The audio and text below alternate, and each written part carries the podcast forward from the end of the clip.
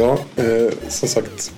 Det verkar ju verkligen som att eh, Microsoft går all in eh, hela vägen nu på sin Copilot-plattform.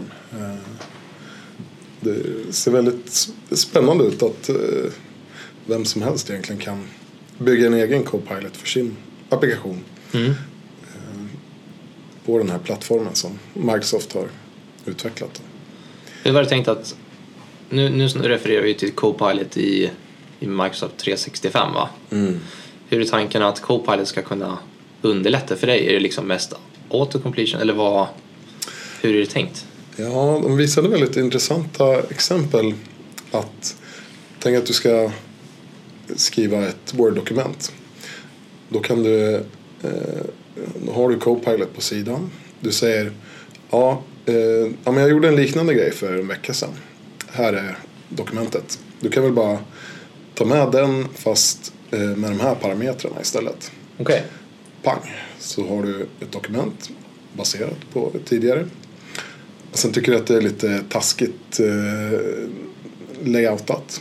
Så säger du, ah, fan, jag gjorde- jag gjorde ju en riktigt snygg layout eh, här för några veckor sedan. Ja men det var nog i det här dokumentet. Kan inte du, Copilot, kan inte du ta det och bara applya det? Mm. Så är allting stylat. Just det. Är det något man inte är nöjd med? Skriver det bara. Du, kan inte rubrikerna se lite dåliga ut? Kan inte du spicea upp dem lite? Eh, lite färger och lite så här. Mm, kul. Eh, men det som var egentligen mest intressant eh, det var i Teams. Eh, Copilot kan vara med och lyssna av hela tiden.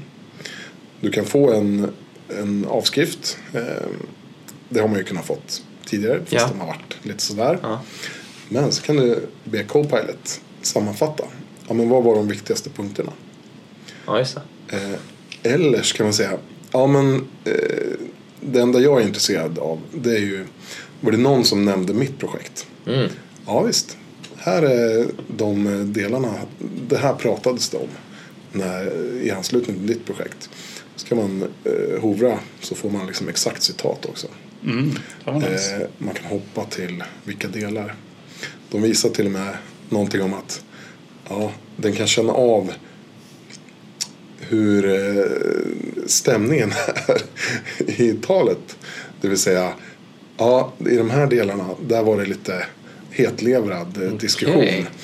Medan som här var det lite mer trevlig ton liksom. Ja. Och sen typ så här färgkodat. Här var det rött och här var det blått. Sen kan man hoppa dit och Just det. Danger, danger. Och även, men även sådär, vi har ju alla suttit i möten som har varit, eh, man har suttit och tänkt att nej, det här, det här kunde jag ha skippat. Absolut. Här kan man istället för att gå med i ett möte så kan man trycka på eh, en follow-funktion.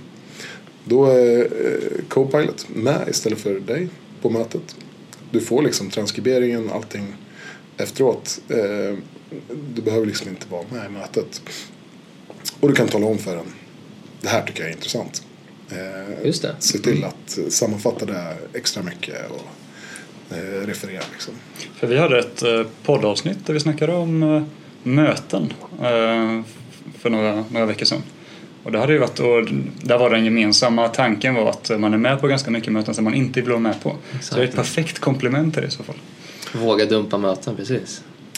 Ja, frågan är ju hur lång tid tar det innan ingen är med på ja, just det. Ja, jag tänkte att det, antingen så blir det att det blir betydligt fler möten eller så blir det betydligt färre möten. Ja, det är klart att det blir något av dem, men jag tänker vi sitter ju med på många möten för att vi måste. Mm. Inte för att vi kanske får något ut av det. Utan det är bra att vi inte missar någonting. Ja, Där Och kanske är nu kan vi få en, en sammanfattning utan att behöva lyssna i en timme. Ja. Så kan vi få det komprimerat på liksom, tio rader. Just det. Skulle man kunna bygga sin egna AI som man skickar på mötet som svarar som jag? För sen återkomma med eh, vad jag sa och vad eh, mötet handlar om. Ja. Det hade varit perfekt. Jag tänker att har man, eh, har man transkriberingar av eh, ett antal möten man har varit med i. Liksom, då är det väl bara att träna upp en Copilot på det man brukar säga. Liksom. För att hur, hur ofta har vi originella Nej, det är Sant. tankar och så Ja, här. precis. Eh, Väldigt sällan. Men det, det händer väl redan att eh, det har väl varit liksom en stor grej fram till nu att man liksom tränar upp en, en AI, eh, ja, inte kanske Copilot men en AI baserat på här, Abraham Lincolns tal. Liksom. Alla, allt som han. Och så kan du bara prata med den som om det var han. Mm. Eh, ja, visst, du kommer inte få några originella tankar eh, kanske.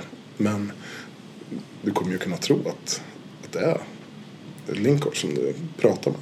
Det finns ju en Verkligen. på, på Twitch, jag vet inte om ni känner till Twitch. Eh, Ja. Där finns det ju en, eh, jag tror den är nedstängd nu, men då var det att eh, det var ju någon som körde en Seinfeld AI. Så den har liksom kollat alla Seinfeld-avsnitt. Och sen kör den här Seinfeld stand-up som den gör i 24 timmar om dygnet. Och bara drar en massa typiska Seinfeld-skämt. Det var väldigt kul. Och det var, skrev väl egna manus också Ja, till nya avsnitt. Och, det, det här är och det här är ju typ för ett halvår sedan, ett år sedan eh, har jag för mig Mm. läste där. Nu har vi ju kommit jättemycket längre. Mm. Eh, Så nu, nu går det ju att få fram. eh, Är det inte där mycket, jag tror om den här strejken i Hollywood nu. Att manusförfattarna strejkar ju. Japp. För att de vill inte bli ersatta av AI. Mm. För att produktionsbolagen de bara Nej, vi vill inte betala er så mycket pengar för att eh, vi har ju den här ChatGPT som Exakt. kan Den gör det på 10 sekunder. skriva Du har fått ett år på manus. Eh, precis. Så det är, inte bara, det är bara att vi matar in tio säsongers eh, script Ja. eh, av den här serien och sen ber vi den skriva något nytt på det här ämnet. Eh, även om det inte är perfekt nu så kommer det, det är bara en tidsfråga. Ja, verkligen. Det hade ju varit kul om någon skrev om sista säsongen av Game of Thrones. Ja, just det. Tyvärr, den här säsongen var gjord av människor. Vi förstår att den blev dålig. Så Ja, nu gör vi den bättre. Men- Med en AI. Kan ju inte bli sämre. Nej, exakt. Det går inte. Och där kanske vi ska avbryta vårt, vårt lilla intro och faktiskt presentera oss själva här i, i podden. Det är ju Snack Overflow du lyssnar på om du inte har märkt det. Och det är en ny röst här idag och det är vår kära vän Johan. Ja, tackar, tackar. Eh, ja, eh, jag är systemutvecklare sedan eh, 15 år tillbaka, lite drygt. Och eh, stort intresse för AI och vart den här tekniken är på väg och vad den kan göra för oss, både som utvecklare och, och människor i allmänhet. Mm, välkommen! Och så vår kära vän Axel. Mm. Tjena! Och mig själv, Andreas. Och idag, ni kanske har gissat lite på, på ämnet vi har nuddat här i alla fall i, i introt. Vi ska ju snacka AI idag. Men vi ska snacka framförallt AI i, i vår värld. Och det är ju då utvecklarvärlden, hur vi använder AI-verktyg och till vardags när vi sitter och utvecklar ute hos våra, våra kunder. Och vi snackade här i introduktionen om just Microsoft Ehm, Copilot och vi utvecklar ju vanlig, numera vana vid GitHub Copilot. Eh, som man skulle kunna i alla fall se som, som samma sak numera fast i olika användningsområden. Att man i alla fall har sin, sin parkompis som hjälper en med sina vardagsuppgifter. Eh, Så jag tänkte att vi ska, vi ska snacka lite AI-verktyg idag. Och vi kan ju bara beta av den första frågan. Jag tänkte Axel kan få börja svara på den egentligen. Vilka verktyg som du använder när du sitter och utvecklar idag. Både på kund och privat. Ja, absolut. Ehm, framförallt använder jag ju GitHub Copilot. Det är väl det jag använder mest. För det, det var så enkelt att bara börja använda det i och med att det bara är ett plugin i VS Code. Så det var som att det flöt sig liksom in i mitt vardagliga arbete väldigt enkelt. Mm. Ehm, Så det använder jag ju mest. Jag önskar att jag använde ChatGPT mer. Jag var ju på en väldigt bra dragning av dig Andreas just av ChatGPT förra fredagen. Av hur man kan använda den för att bli en mer produktiv kodare på många sätt. Men själv är jag inte jätteduktig på att använda det. Men eh, i och med din dragning så fick jag lite mer inspiration och testat lite mer. Mm. Eh, Så, så att eh, ja, men, och sen så har jag börjat testa att använda Codium AI. Och det är egentligen ett plugin i VS Code som hjälper en att skriva tester. Eh, som jag har labbat lite med. Och eh, sen privat har jag med lite Midjourney för att generera ja, bilder och liknande för att, eh, bara för skojs skull. Så Mm. att, ja, det är väl kan man säga att det jag använder mig av. Och då en följdfråga, känner du att du har blivit mer effektiv eller att du bara blivit lat av det? Ja, både och. Ja. Ehm, Jag gillar ju inte att, jag är inte superduktig på att lära mig all syntax kring allting. Nej, just det. Eh, Och det gäller, Copilot, hjäl- Copilot hjälper mig absolut inte med det. Så att, eh, ja, eh, både med produktiv men också ganska, ganska lat kan man säga. Mm. Så, ja. Snyggt. Och du Johan, du, vi lyssnade ju på dig för, för några veckor sedan, eller nu några veckor sedan, när du höll en dragning här på, på Vega om just Copilot och vad man kan och inte kan göra i det. Och du, du nämnde ju här i början att du, du har ju en liten förkärlek till just AI-verktyg och sådär. Hur, hur brukar du använda de här verktygen till vardags? Ja, det är ju det är mycket GitHub Copilot då, såklart. Men jag måste ju säga att eh, ChatGPT har nog ersatt Google helt och hållet för mig. Håller med? Eh, och särskilt efter jag fick tillgång till eh, eh, browsing eh, pluginet eller vad man ska säga. Så att eh, nu, nu använder jag inte Google alls utan jag ställer frågorna i, i ChatGPT eh, och eh, låter den plocka ut den viktiga informationen, sammanfatta den. Eh, här har, jag kan ge ett exempel. Jag skulle köpa in lite utrustning för att eh, vattna eh, mina plantor hemma. Ja, och eh, då var jag på en onlinebutik. Eh, men det fanns en massa olika alternativ och eh, längd på slangar och antal eh, liksom tillbehör. Jag hade ingen aning. Vad behöver jag egentligen? Ja, men då ställde jag frågan till ChatGPT. Jag sa Ja, men jag behöver automatisk bevattning. Jag har så här mycket planter. Så här stort i mitt växthus. Fick jag en lista på. Ja, men du behöver eh, sådana som sprutar ut vattnet. Du behöver 50 sådana. okej. Du behöver 10 meter eh, slang. Du behöver 14 sådana här eh, grejer som håller fast slangen för att det ska liksom hålla. Och sen behöver du en stycken. Du behöver det här. Så det var ju bara att gå in och eh, kolla sen eh, vad som matchade exakt. Och sen köper man hem det. Och hur, hur liksom, om du jämför när du väl gjorde inköpet, hur mycket av det tyckte du att det var verkligen så här, "Ah, ja men nu har ChatGPT i det här fallet då gjort en bra match? Ja men det var, det var ju perfekt. Ja, Ehm, Det, det enda den inte kunde göra det var ju att eh, som köpa hem grejerna nej precis. automatiskt. Men det, det är nog bara en, Tidsfråga. en tidsfråga att eh, använda rätt eh, plugin. Mm. Eh, Men just sådana grejer. Och då hade jag suttit fast liksom i flera dagar för att det fanns så mycket att välja på. Så att Just det. jag var så här, "Ah, men ska jag ta den här, läsa recensioner och fram och tillbaka. Man vill inte köpa fel grejer liksom. Eh, och det, det hade ju Google aldrig klarat av. Då hade man fått söka efter Mm.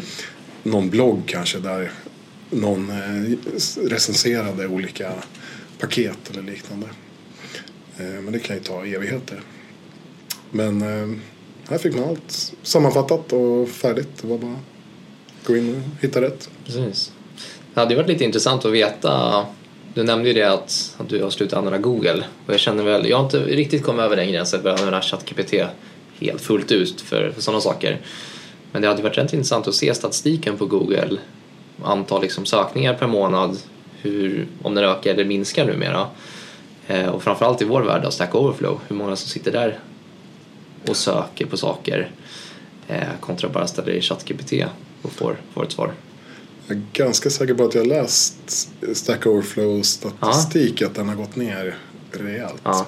Eh, vilket är väldigt förklarligt för att eh, varför sitta och leta efter någon som har skrivit en lösning som var aktuell för fem år sedan Exakt. när du kan få all kod du behöver eh, utskriven eh, precis som du behöver den. Du ger alla parametrar och om något blir knas så kan du bara ah, kan du skriva om det där. Mm. Du, du glömde ta med det här anropet till ett API. Eh, och just det, släng med funktionen för att anropa API också. Precis. Eh, och lägg med all autentisering Ja. på samma gång. För jag, det låter som att vi alla tre, vi vi är i alla fall helt fast på Copilot, alltså GitHubs Copilot till, till vardags. Hur tycker ni, det kanske Axel kan besvara, men vad tycker du att när, när kommer Copilot i vägen? Alltså när, när uppfyller den inte kraven och hjälper dig att bli mer effektiv utan bara gör fel? Vad, Mm. brukar du, vad har du för exempel på det?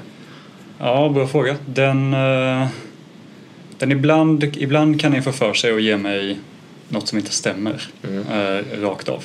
Eh, och det är väl egentligen, egentligen mitt jobb att analysera den koden. Men det vill jag inte behöva göra. Jag vill ju egentligen att den ger mig rätt direkt. Jag vill inte behöva dubbelkolla alla förslag som den ger mig. Det är väl ett drömscenario såklart. Men det, den kan väl komma i vägen. Den, eh, vad är det man brukar säga, den, den eh, ser spöken eller, eller liknande. Eh, Hallucinerar. ha- hallucinerar. Och det gör den ju lite ibland också när man skriver koden att den, att den hittar på lite saker som inte finns och de bitarna. Och då ger det mig ett litet, då tycker jag att den är lite i vägen. Att jag behöver, för då behöver jag granska Copiloten också, vilket Exakt. ger mig extra jobb. Så även om den sparar mig massa tid i slutändan så är det ett litet irritationsmoment av att jag alltid måste dubbelkolla den. här. Så det är väl ett exempel så på när den kommer i vägen. Det, de sa det på, på föreläsningen här att man får ju komma ihåg, det heter ju Copilot. Det är din andra pilot. Exakt. Du är först, fortfarande första piloten. Du sitter i förarsätet. Eh, man kan inte lämna över allt. Visst, ibland då är det en eh, expert som sitter där i, i sätet bredvid. Eh, som kan styra planet, no problem. Men ibland då är det en eh, treåring som eh, sitter där och pillar på knapparna. Liksom. Eh, så det gäller att inte ha övertro. Liksom. Mm, ja, precis. Och jag, jag har upplevt också att det som kommer i vägen för mig ibland det är att, eh, att den kopierar för specifika kodstycken. Liksom. Att jag kanske får med kommentarer från någon som har löst ett liknande problem. Ja, men det också sett. Ja. Eh, medans lägger man in samma fråga i ChatGPT ja, men då får du en, något som känns som att det är väldigt personifierat bara för dig. Exakt det du vill ha. Visst, den är tränad på annan kod. Eh, men den har liksom skrivit en egen snutt som, som passar precis för, för ditt syfte. Sen är ju inte ChatGPT lika integrerat än. Eh, Sant. men det, det är ju troligtvis kommer ju att bli i, i nästa version av GitHub Copilot. Då. Ja, men också, jag delar den, den känslan att när man sitter med Copilot i vardags så det känns mer som en, en glorifierad copy-paste mekanism ibland.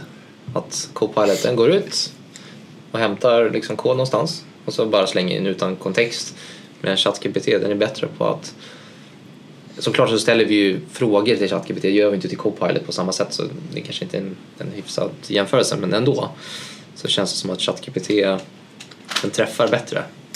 Ja, och jag tror det beror på att eh, Copilot, GitHub Copilot är den är mer inställd på eller tränad på att inte vara så kreativ.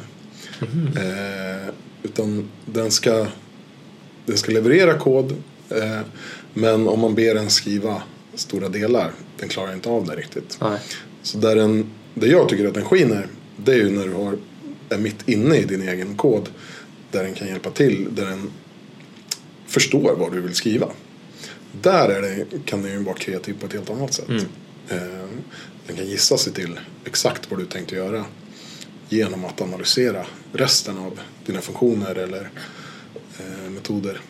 Och känna, ja men eh, okej du börjar skriva eh, addera tal. Ja men då kollar han.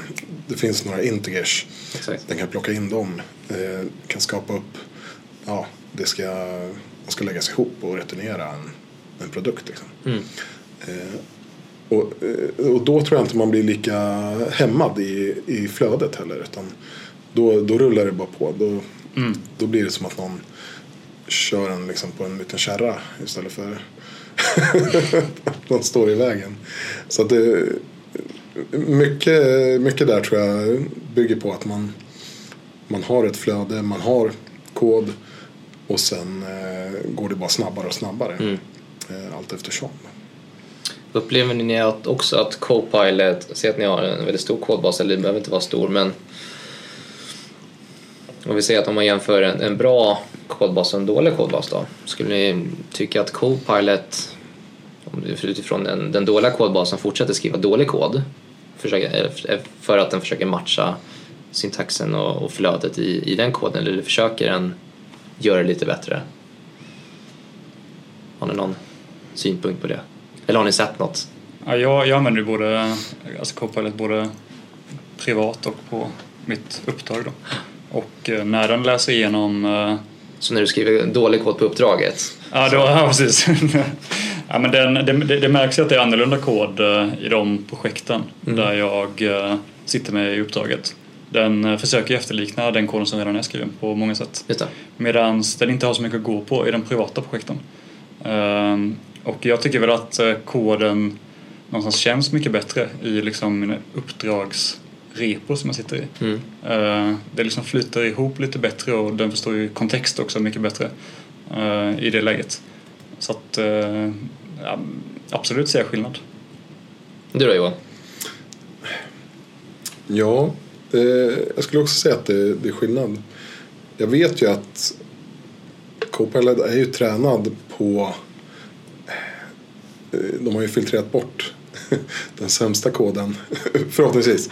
Eh, Och eh, enligt Microsoft även eh, kod med säkerhetshål och så här. Ja, just det. Så att den ska, ju, den ska ju vara tränad till att vara bättre än vi utvecklare egentligen. Var det inte innan att man kunde få autogenererade API-nycklar? Eller man kunde få API-nycklar? Att de inte tagit bort det innan? Att det var i början så... Det, Och då är det någon annans API-nyckel egentligen? Ja, precis. Oj.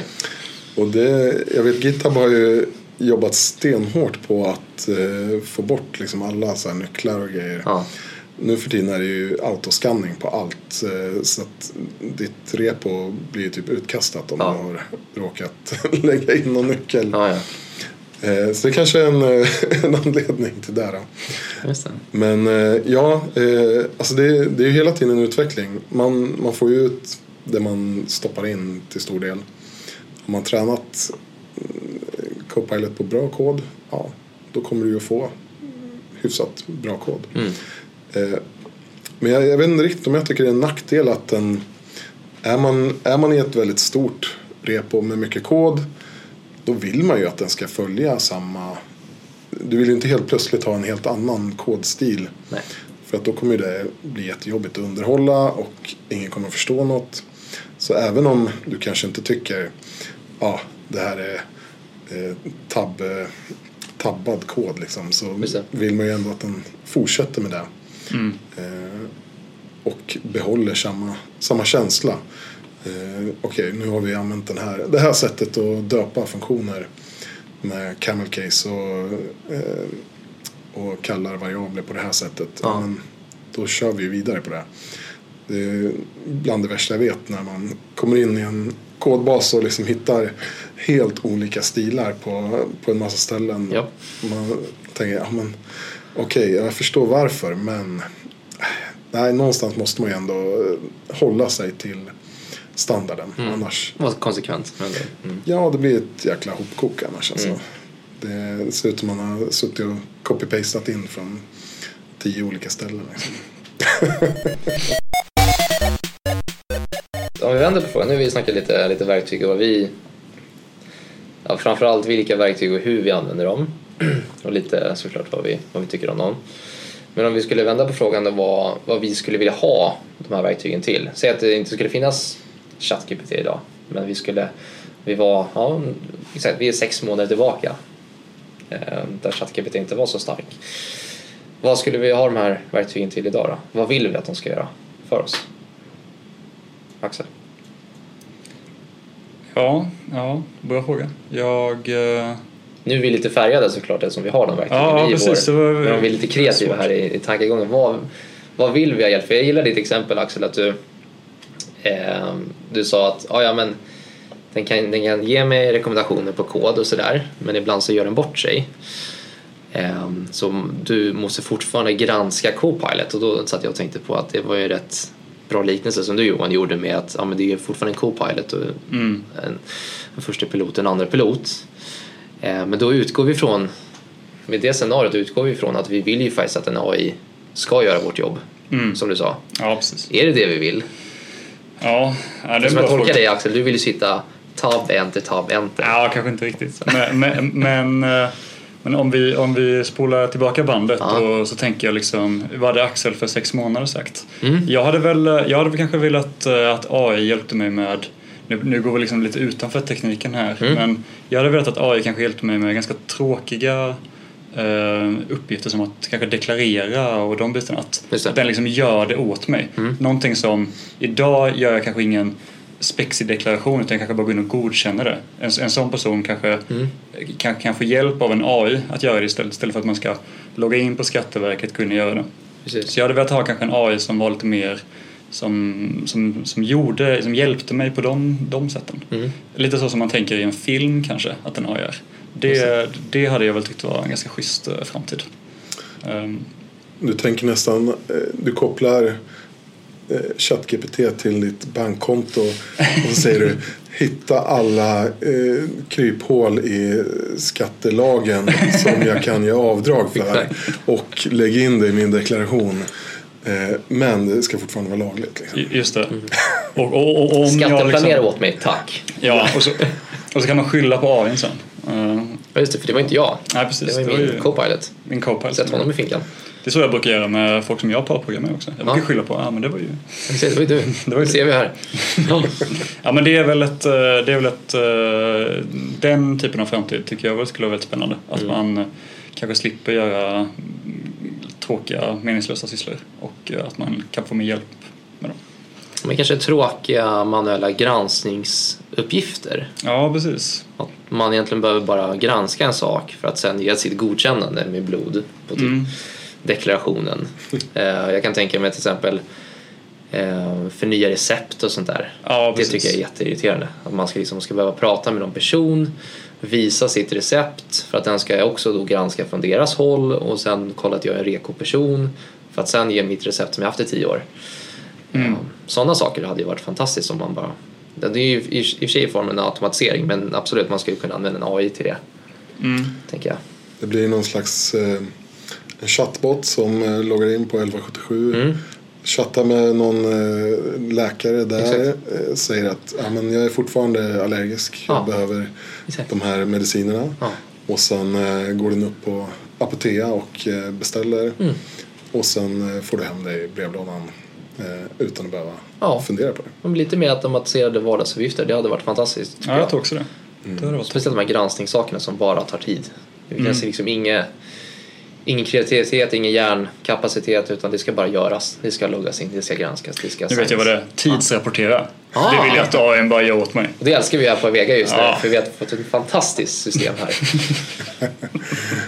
Ja, då måste den ligga i bakgrunden hela tiden och hålla koll på vad, Just det, när jag jobbar. vilka uppdrag du, du jobbar på. Liksom. Mm. Exakt. Ja. Kräver kanske att man gör lite manuell granskning eh, innan man skickar iväg. Kan också tänka mig. Kan också tänka mig. Det, innan ChatGPT kom, det jag var irriterade mig mycket på det var alla har vi ju en smartphone nu för tiden. Ja, Och när man skriver ett sms eller något, vad händer då? Jo, du har ju autokorrigering. Visst, vi irriterar oss när det blir fel. Men sådana här enkla grejer som att ja, men den vet min e-postadress. Mm. Eh, den fyller i. Den vet vad jag tänker. Det känns ju lite så. ja, ja. Och sen sitter man vid en PC. Vad händer då? Ja, du måste skriva allting själv. Ja. Hur, hur, har, hur har inte det kommit in i, i den världen?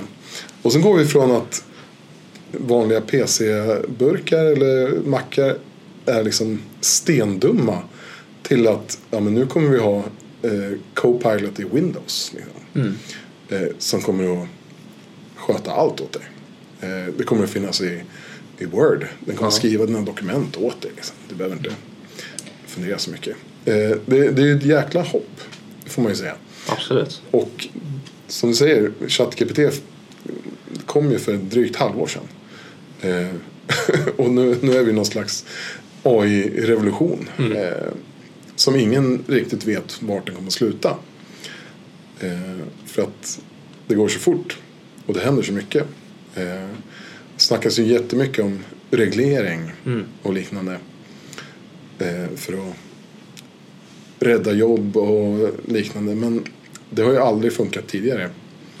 Så varför skulle det gå- liksom... Det är ju många branscher som har försvunnit helt. eh, För Mm. att de helt enkelt har blivit föråldrade. De behövs inte. Precis. Det betyder ju inte att personerna inte behövs. Men just de jobben kanske inte behövs.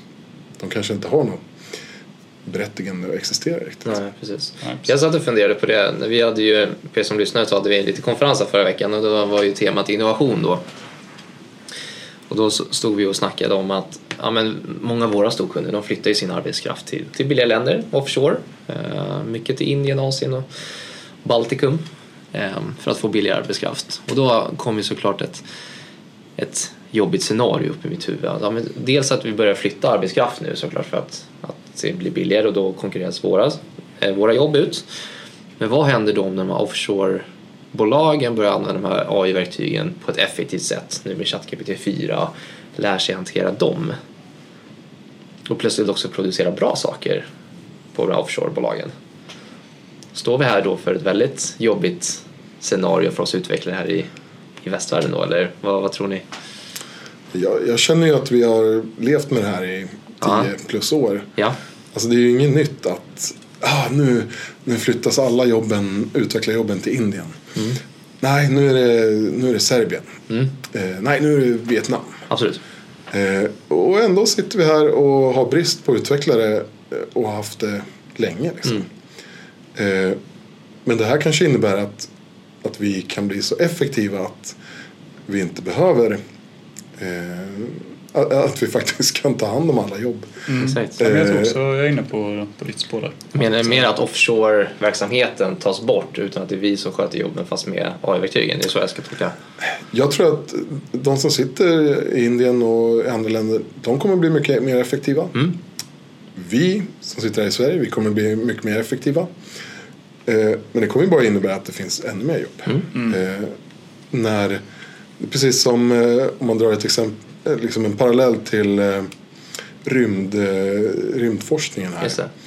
Eh, NASA sköt upp eh, liksom, en raket var fjärde år eller något. Ja, men då fanns ju en marknad för att skjuta upp så många. Nu skjuter SpaceX upp eh, liksom en raket i veckan. Ja.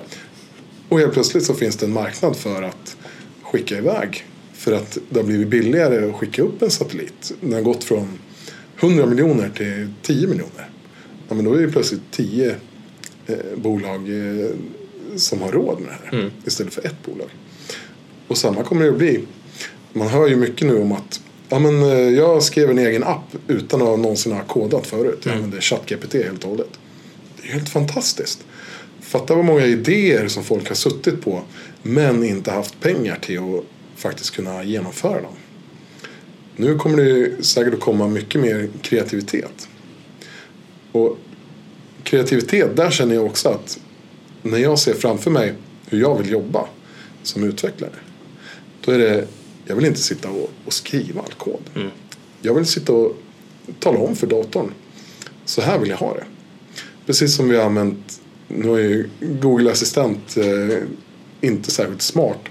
Men eh, jag har ändå haft den hemma ett tag. Och att kunna tala om för den, ja men jag vill lyssna på den här låten på, på Spotify eller liknande. Mm. Sätt på det här Netflix-avsnittet på eh, min skärm i köket. För jag håller på att hacka lök. Ja. Liksom.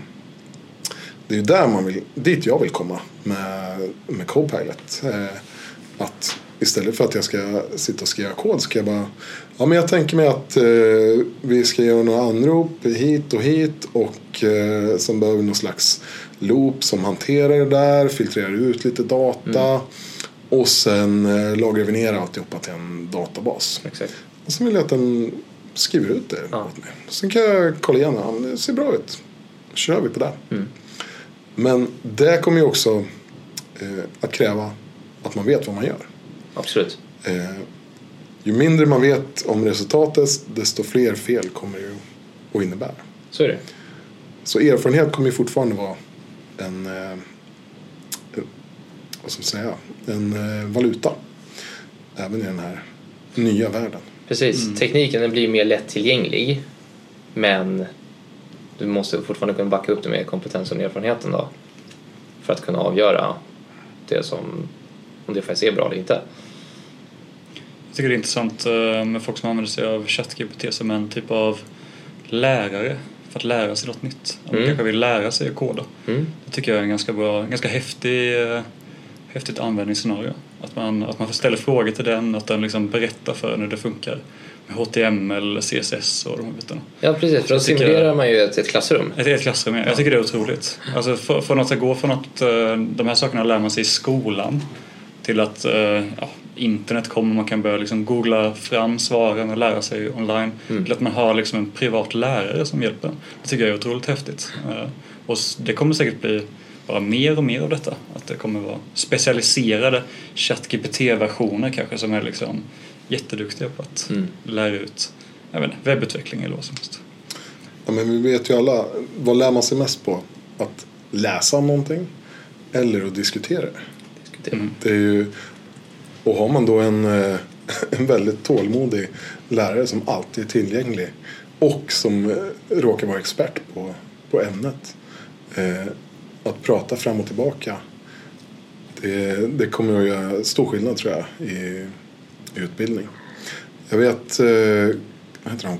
Khan Academy. Mm. De håller ju på att implementera ChatGPT i mycket av sin eh, verksamhet. Då. Okej. Och de har ju redan varit, ja, de har ju liksom miljoner med videor på alla ämnen. Eh, om det är avancerad algebra eller språk och allt möjligt. Ja. Och nu kommer det liksom bli ännu mer interaktivt. Det, så att vem som helst kan få ta del av eh, fantastisk utbildning utan att bli skuldsatt för livet. Ja, exakt. Ja, det är både en väldigt fin, en fin tanke att tänka världsbilden att den ser ut så, men också väldigt skrämmande samtidigt. Tänker jag. Men det, återkopplar lite som du sa Johan, att vi har suttit länge nu, 20 år och varit rädda för massa jobb som kommer försvinna liksom hela tiden. Och det här har ju funnits i alla tider. Det är inte konstigt att när ny teknik kommer att man blir rädd för, för nästkommande jobb. Men Jag tror att det är svårt för oss att se, se det bara hur vi skulle kunna använda just de här verktygen utan att börja, de börjar konkurrera med oss.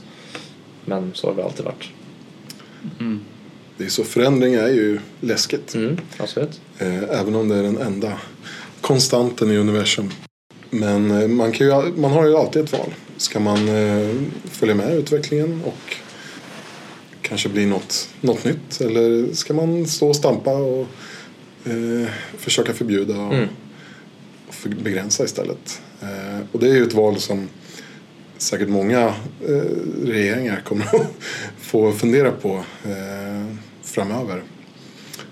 Jag vet, det pratas ju mycket på EU-nivå och så här. Ja. Så ska vi reglera? Ska vi stoppa? Ja. Det finns alltid folk som vill reglera. ja, jag tror ibland kan det funka.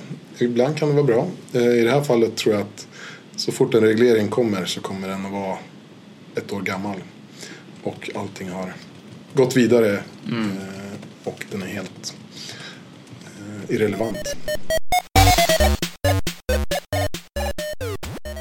Men vi har varit inne lite på det. Ehm, båda ni har varit inne på det, hur, hur vi använder det här och man måste fortfarande ha såklart kunskapen med sig.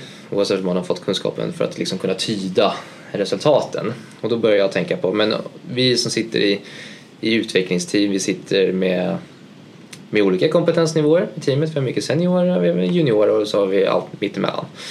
Hur, hur känner ni att när ni sitter med era kollegor, om ni har lite mer juniora kollegor, att de här verktygen kommer in? Tycker ni att det är bra att, att mer juniora, säger folk direkt från skolan, liksom plötsligt sitter och utvecklar själv med ChatGPT eller är det mer hämmande för dem? Mm. Ja, jag kan väl tycka att uh, Copilot kanske, GitHub Copilot kanske inte är det absolut bästa Nej. när man är ny. Uh, av den enkla anledningen av att ibland så lär man sig mycket av att faktiskt skriva koden i sig. eh, och inte får så mycket hjälp. Eh, Sen så kan jag väl se ett argument också till varför det är bra. Att man får liksom tips på hur kod kan se ut och hur det kan lösas. Att man kan men jag tror verkligen till en början är det nog ganska bra att kanske försöka hålla sig borta lite från just det verktyget. För att uh, få in själva muskelminnet om hur man skriver en, en funktion eller hur mm. man skriver CSS och de här bitarna. Och att man inte glider med för enkelt till en början. Mm. Men jag tror det kan gå ganska snabbt till att man börjar använda sig av de här uh, verktygen. Det tror jag. Men verkligen till en början kanske man ska undvika det. Det är bara min, min spontana tanke kring det. Vad känner du Johan? Ja, jag tror ju att många som eh, är precis i början av sin utbildning till att bli ingenjörer eller systemutvecklare eller liknande. De eh, funderar nog lite på sitt, sitt yrkesval mm. i dagsläget. Om tre år när de är färdiga, eller vad det kan ta, kommer det att finnas, kommer det att finnas jobb för dem. Eh, och jag håller, jag håller med dig eh, Axel att just för, för juniora utvecklare så tror jag Copilot kan vara eh, lite farligt. Eh, jag tror också att man behöver ha den här erfarenheten. Eh, mm. Lite svårt att avgöra om det är bra eller dåligt kanske. Mm. Exakt. Och vilka liksom, konsekvenser det får. Mm. Men just att, att träna upp nya eh, så att de får, får bra exempel på kod eh, få kunna ha någon att bolla med hela tiden. Det är ju väldigt lätt som junior att man fastnar, att man eh, Absolut. sitter med något för länge utan att fråga. Man kanske drar sig lite för att ja, den där, ja men han vet ju allt men ja, han är så upptagen så mm. här kan du direkt ställa frågan till ChatGPT. Mm. Du kan få ett bra svar, den kan förklara. Den kan dumma ner det till i stort sett vilken nivå som helst jag har kört en del så frågor. Ja, men det här, den här komplexa grejen, eh, liksom quantum mechanics eller whatever. Eh, dumma ner den till en femåringsnivå. Och får jättebra mm. svar. Eh, så på det sättet tror jag juniorer och oerfarna kan få väldigt mycket hjälp mm. på den vägen.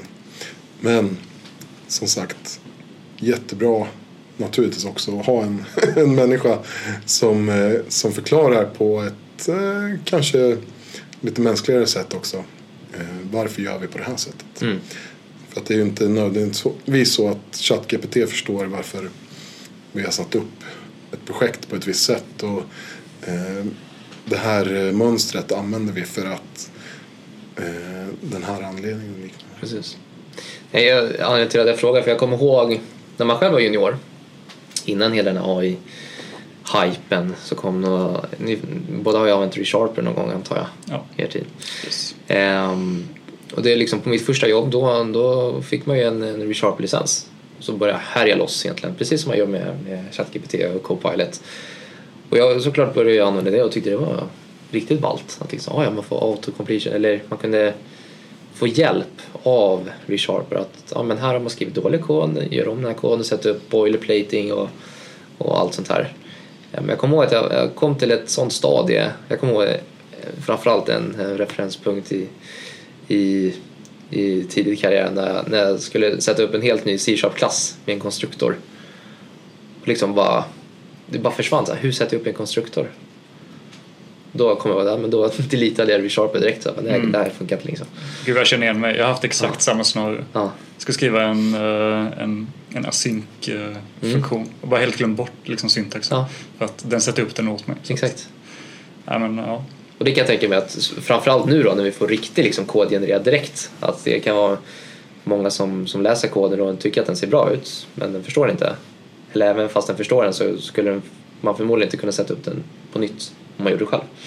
Det ser jag som en stort hinder då, framförallt för juniorer men även för oss seniorer liksom, att det, det kan hämma i vissa situationer tycker jag. Mm. Jag kan ju erkänna att jag har ju säkerligen glömt mer syntax än mm. jag kommer ihåg. Absolut. Och det är, det är väldigt ofta man måste, om man inte använt något på ett tag, att man måste gå ut och läsa dokumentation. Ja. Och det tar ju tid. Eh, och eh, att kunna få det gratis är ju, det snabbar ju upp mm. allting. Det, det är väl lite som eh, ja, men, eh, hur många kommer ihåg telefonnummer nu för tiden? Ja, det är nog inte många. Eh, nej. Jag kommer ihåg telefonnummer som jag lärde mig innan eh, smartphones. Ja. Eh, de sitter ju fortfarande kvar. Så här, eh, hemtelefonen när man var barn liksom. Exakt. Eh, men Ja. telefonnummer nu för tiden, det är ju aldrig att man lär sig någonting. Och det finns ju ingen anledning. Nej. Och frågan är om det inte är lite åt det hållet att ja, men om vi slipper hålla på och memorera en massa syntax och sådana saker. Gör vi då, frigör vi då hjärnminne eh, till bättre saker? Mm. Kan vi vara mer kreativa? Kan vi se lite mer uppifrån? Få bättre överblick? Exakt. Istället för att sitta och, och hacka eh, Detaljer liksom. detaljerna. Det, det är ju min förhoppning. Eh, sen kanske det visar sig att nej, det, det innebär bara att vi eh, får någon sån här TikTok-minne. Vi kan, vi kan inte koncentrera oss på någonting längre än Ja, just det. 30 sekunder. Som dagens ungdomar. Ja. Eh, Måste hända något hela tiden. Exakt, exakt.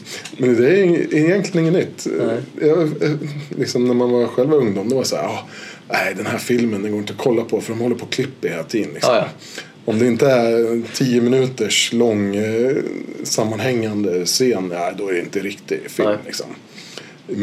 MTV-klipp var ju en grej. Liksom. Mm. Och nu, nu är vi ner på TikTok-klipp. Liksom. Exakt. Eh, och ja, nej, men snart då måste allt vara komprimerat på fem sekunder. Annars kommer ingen att orka titta eller lyssna på det. Känner du till han eh, Dan som är med i Reacts Core Team? Jag vet inte, Dan Abraham eller... Ja, precis. Jag vågar inte säga efternamnet. Jag tror jag bara tog den. Ja, Eh, han hade ju en sån här... eh, Abraham. Något. en, eh, han var med på en, en mock-intervju där han skulle svara på intervjufrågor i, på, hos någon YouTube-kanal. Och så bad han ju att, eh, att centrera en div. Ja, jag har sett den. Eh, liksom centrera driven mitt i skärmen. En väldigt klassisk grej man gör. Abramov heter han. Ehm, och han kunde inte det. Han fick klarade hjärnsläpp. Han, han fick hjärnsläpp. Och då känner jag lite skönt att slippa. Du vet, i framtiden behöver jag inte kunna syntaxen för detta. Nej. Då bara löser ju en AI åt den. För att den kanske, det är så att det ockuperar onödig hjärnminne för, för den i det här fallet. Han är så himla, han är liksom expert, han är så himla smart på allt annat. Så han behöver liksom inte kunna de här kanske ganska enkla basala grejerna man kan göra. Absolut. Jag- Jag såg någon, någon skrev något så här att det var någon, någon äldre person som var besviken på sitt barnbarn för han kunde inte reparera sin eh, bil. Liksom. Här. Han kunde inte byta olja eller något så här grej. Ja, eh, då var det någon som tog upp att ja, ja, men fråga honom om han kan eh, liksom eh, hamra ihop en liksom ett svärd i en smedja liksom. Ja. Sån här grej. Det var ju poppis på medeltiden. Och, vadå, kan, han, kan inte alla allt som någonsin har existerat? Ja men det är klart, hela tiden. Vi utvecklas, vi släpper Exakt. det som vi har gjort tidigare som kanske var Ja men för hundra år sedan då var ju nästan alla tvungna att kunna odla mat. Gör vi det nu? Nej. Nej. Vi klarar knappt av att odla lite morötter i, i, landet. Eh, eh, Utan nej, men vi, har, vi har outsourcat de grejerna. Och det här är kanske bara nästa steg. Att vi, vi outsourcar iväg det här så att vi kan fokusera på andra saker. Vi kan specialisera oss på nya, nya roligare saker förhoppningsvis. Ja, det är intressant. Det blir liksom som en, en slags dragkamp mellan att hela tiden kunna baserna i allting med att gå vidare och kunna det som är aktuellt för en själv i, i dagsläget. Det tycker jag är en stor samhällsdebatt att just den här dragkampen då, som, eh, ja, den blir svår. Ja, om, eh, om någon uppfann en tidsmaskin Exakt. och du åkte tillbaka tusen år. Ja, Skulle du, har du någon teknik från nutiden som du kan eh, komma ihåg och använda dig av då för att bli kung liksom. Ja, det är ChatGPT tror jag. Just det. Hur tar jag över herravärlden? Nej. Precis. Först måste du eh, uppfinna eh, utvinning av metaller. Sen hur gör man mikrochip Ja. och så vidare. Verkligen. Det, ja, vi lever i en väldigt specialiserad värld och jag tror det, det är nog bara dumt att tänka att alla ska kunna allt. Eh, utan nej, eh, förhoppningsvis så kan datorerna göra mer och mer. Mm. Och om det går bra så kan vi människor göra roligare saker. Eh, går det illa, ja då kommer miljonärerna bli ännu rikare och eh, arbetarklassen få ännu mer jobb. Mm. Eh, så att, ja, det, det är svårt att avgöra exakt eh, vart vi kommer att hamna. Jag håller med. Absolut. Och det är kanske där vi ska dra gränsdragningen för, för dagens avsnitt och köra en liten uppföljare på det här med att snacka lite vidare med verktygen och kanske fokusera lite mer på vad vi ser för, för nackdelar framöver. Men vi är inte slut här. Vi brukar ju avsluta våra, våra avsnitt med veckans tips. Och eftersom Johan är första gången med oss idag så ska han få dra sitt tips. Först. Mm. Eh, Om du har ett. Jag är ju sämst på det här, det vet alla som har lyssnat. Så. ja. Eh, ja, jag, eh, jag reparerade nyligen mitt eh, växthus. Eh, för en ruta flög iväg. Ah, det var plast. Men eh, mitt tips är att eh, se till att använda ett, eh, ett lim som eh, klarar både värme och, eh, och kyla och eh, vatten. För att eh, just växthus, det är många olika klimatzoner. Det kan vara både på sommaren och vintern.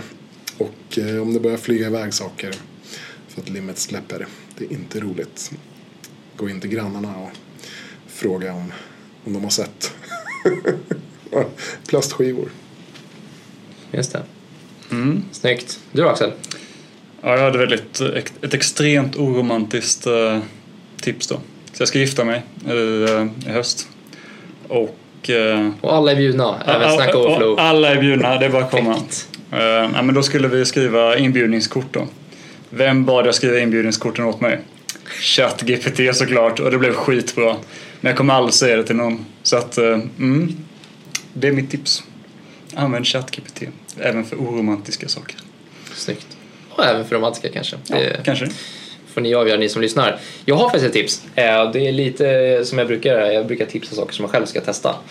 Eh, Och det, jag har ju länge stört mig på i, i React här att man, om man ska göra datafetchning så ska man kanske man gör det i sin komponent och så ska man sätta lokal state. Eh, Och det blir väldigt mycket för en väldigt enkel sak. Och då har det kommit en ny React-hook nu va, som heter Use Loader Data. Som jag inte har testat själv. Eh, Men det är mitt tips till mig själv då som tar egentligen bort den kapslar in fetchningen och datasättningen på ett snyggt sätt. Eh, Så man ska testa och se om det faktiskt är snyggt eller om det bara är bortabstraherande. Mm, nice. Snyggt. Då har vi det. Tack för oss. Tack så mycket. Tackar, tackar. Hej. Hej. Hej.